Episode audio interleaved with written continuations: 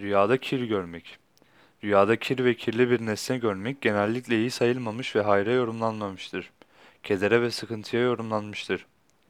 Kişinin rüyada ellerinin kirlenmiş olduğunu görmesi, istek ve arzularının olmayacağına, yani muradına nail olamayacağına işarettir denilmiştir. Bir kimsenin rüyada elbiselerinde veya vücudunda ya da saçında başında kir görmesi, rüya sahibi için kedere ve üzüntüye düşeceğini işarettir. Kirli ve paslı elbiseler görmek ise günah ve günaha gireceğini işarettir. Kişinin rüyada vücudunda veya elbisesinde gördüğü kir, beş şeyle tabir olunur ve bu beş şeyden birine işaret olarak yorumlanır.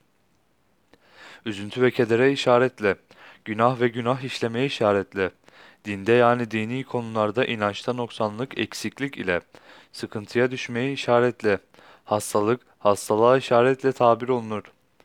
Bir kimsenin rüyada kirli paslı elbiseler giydiğini veya üzerinin başının kir pas içinde olduğunu görmesi, rüyayı görenin büyük bir günah işlediğine veya işleyeceğini işarettir. Bazıları bu rüyayı rüya sahibinin dininde yani dini inançlarında bozukluğuna, görülen kir nispetince noksanlığını işaret eder şeklinde yorumlamışlardır.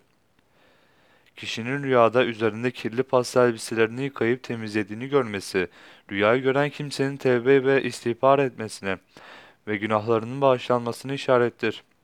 Rüyasında kulaklarının içinde kir ve pas olduğunu görmek, onun yani rüyayı gören kimsenin çirkin ve kötü bir söz işiteceğini işarettir. Kulağındaki bu kir ve pası temizleyip giderdiğini görmek ise sevindirici ve müjdeli bir haber işiteceğini işarettir şeklinde yorumlanmıştır.